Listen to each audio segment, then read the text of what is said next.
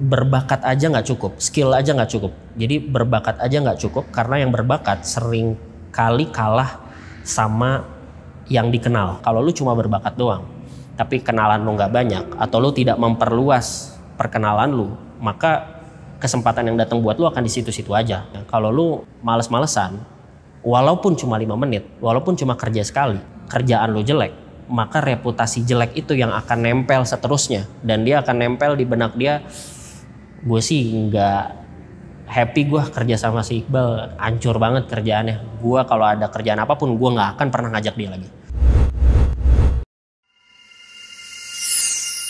Halo teman-teman, sebelum lanjut, gue mau terima kasih sama lo yang udah growing bareng podcast Subjektif.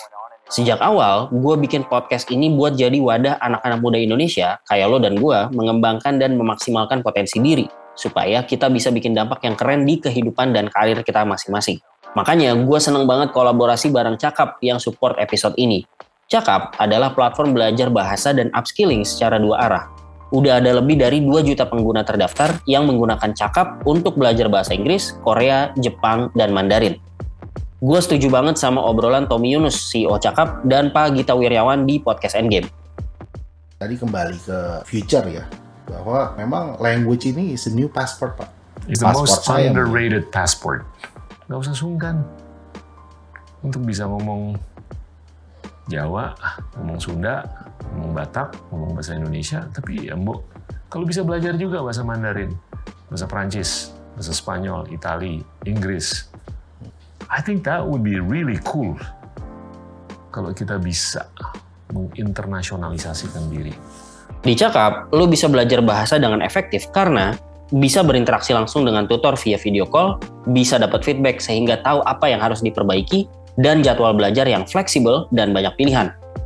Ada tiga jenis kelas yang bisa lo pilih, cakap private, cakap semi-private, dan cakap chat.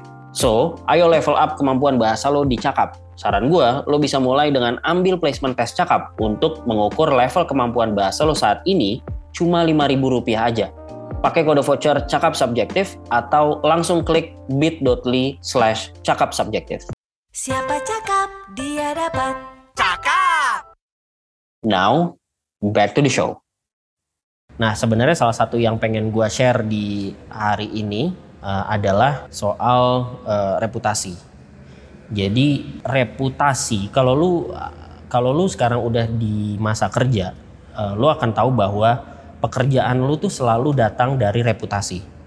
Dan pekerjaan ini maksudnya bisa sekarang lu kerja full time di kantor mana gitu ya ataupun misalnya kerjaan-kerjaan yang sifatnya project base atau freelance gitu kayak misalnya ya sekarang gua diajak untuk sharing ini kan kerjaan juga buat gua tapi sebenarnya di luar dari kerjaan utama gua uh, di kita bisa gitu ya. Uh, ini kerjaan sampingan lah side job gitu sebagai side hustle sebagai content creator gitu. Semua pekerjaan itu datang dari reputasi. Orang mau ngasih kerjaan ke lu atau mau ngajak lu kerja sama itu karena reputasi gitu. Karena lu percaya sama reputasinya dia. Nah, reputasinya dia itu datangnya dari mana? Reputasi kita itu datangnya dari hmm, satu kita bisa nunjukin atau bikin orang percaya bahwa kita punya skill itu satu.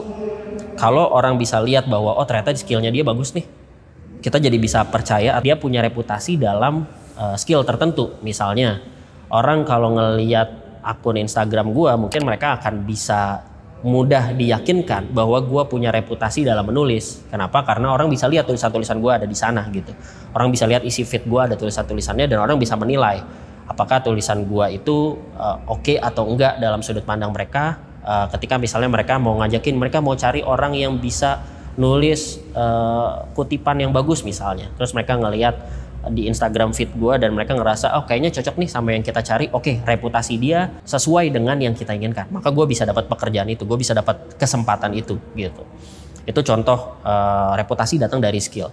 Kemudian reputasi juga bisa datang dari network dari circle lu. Gue pernah bilang pernah nge-tweet apa namanya gue lupa persisnya apa ya. Nanti gue cari dan gue tampilkan. Tapi kalau nggak salah bunyinya kurang lebih kayak gini. Berbakat aja nggak cukup. Skill aja nggak cukup. Jadi berbakat aja nggak cukup karena yang berbakat sering kali kalah sama yang dikenal. Jadi misalnya gue sebenarnya jago banget. Skill gue skornya di 87 tapi ada orang ada perusahaan yang lagi nyari orang dengan skill seperti gue Tapi ya mereka punya kenalan, kenalan mungkin kenalan bosnya, kenalan manajernya yang secara skill misalnya skornya sebenarnya masih di 70 gitu. Jadi di bawah skill gua.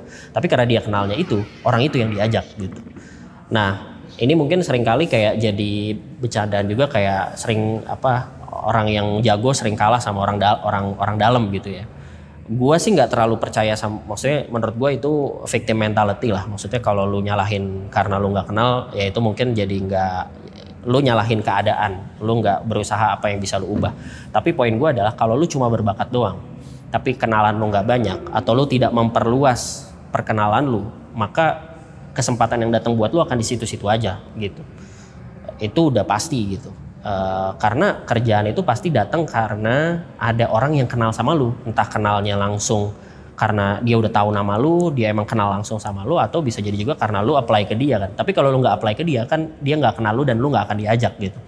Tapi kalau misalnya kita lewat jalur apply itu udah pasti kompetisinya sama banyak orang gitu. Nah makanya uh, reputasi kedua datangnya dari network, dari kenalan, dari circle maka perluaslah circle lu, perluaslah kenalan lu. Semakin banyak orang yang lu kenal dan semakin banyak orang yang kenal lu, maka kesempatan yang datang kepada lu akan jauh lebih banyak uh, dibandingkan dengan tidak. Termasuk salah satu kiat untuk menaikkan jumlah orang yang kenal sama kita adalah dengan membangun personal branding. Makanya gue suka atau kalau lu udah ngikutin gue dari lama gue sering sharing soal personal branding dan ini bukan masalah gaya-gayaan lu pengen punya followers dan lain-lain tapi personal branding lu bagus dan tepat sasaran maka kesempatan pekerjaan yang datang kepada lu akan lebih banyak karena reputasi lu jauh lebih baik atau dikenal reputasi lu dikenal lebih banyak orang. Itu kedua reputasi datang dari skill reputasi datang dari network. Sebenarnya utamanya dua ini sih Uh, tapi ada satu tambahan lagi adalah reputasi itu sangat mudah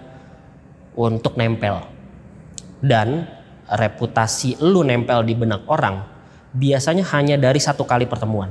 Jadi kalau lu pernah kerja sama orang, pastikan lu kerja kasih uh, performance yang terbaik. Karena apa pun nih yang lu hasilkan pada saat itu, itu reputasi yang nempel di benak orang yang kerja sama lu. Jadi kalau lu dikasih kesempatan untuk kerja satu kali lima menit gitu. Lu give your best maka reputasi lu akan nempel. Oh si Iqbal ngasih performance yang bagus banget di lima menit ini. Ke depan kalau gue ada kesempatan kayak gini lagi gue mau ngajak dia lagi. Tapi sebaliknya kalau lu males-malesan walaupun cuma lima menit walaupun cuma kerja sekali kerjaan lu jelek maka reputasi jelek itu yang akan nempel seterusnya. Dan dia akan nempel di benak dia gue sih nggak happy gue kerja sama si Iqbal hancur banget kerjaannya. Gue kalau ada kerjaan apa pun gue nggak akan pernah ngajak dia lagi. Itu pasti kejadian baik di dua sisi baik reputasi baik lu memberikan performance yang baik maupun tidak itu reputasi yang akan nempel. Maka pastikan lu memberikan performa terbaik setiap kali lu punya kesempatan untuk bekerja sama orang lain. Bekerja bareng sama orang lain lokasi yang terbaik karena reputasi itu yang akan nempel apa pun yang terjadi So kayaknya itu aja soal reputasi. Um, sorry kalau kelihatan kayak ngajar-ngajarin ya, tapi ini sebenarnya gue lagi refleksi aja karena gue lagi dapat kerjaan yang datang dari reputasi juga uh, dan itu ada yang di benak gue tadi gue lemparin itu aja. Sama tadi sebenarnya gue habis rekaman satu konten baru yang kayaknya bisa jadi bahkan bisa jadi podcast baru gitu gue lagi kepikiran. Tapi nggak tahu nanti outputnya seperti apa lo tunggu aja. Uh, menarik sih. Gue sih ngerasanya menarik karena seru dapat banyak perspektif dari banyak orang. So I think that's all. Uh, thank you. I'll see you in the next episode and please be subjective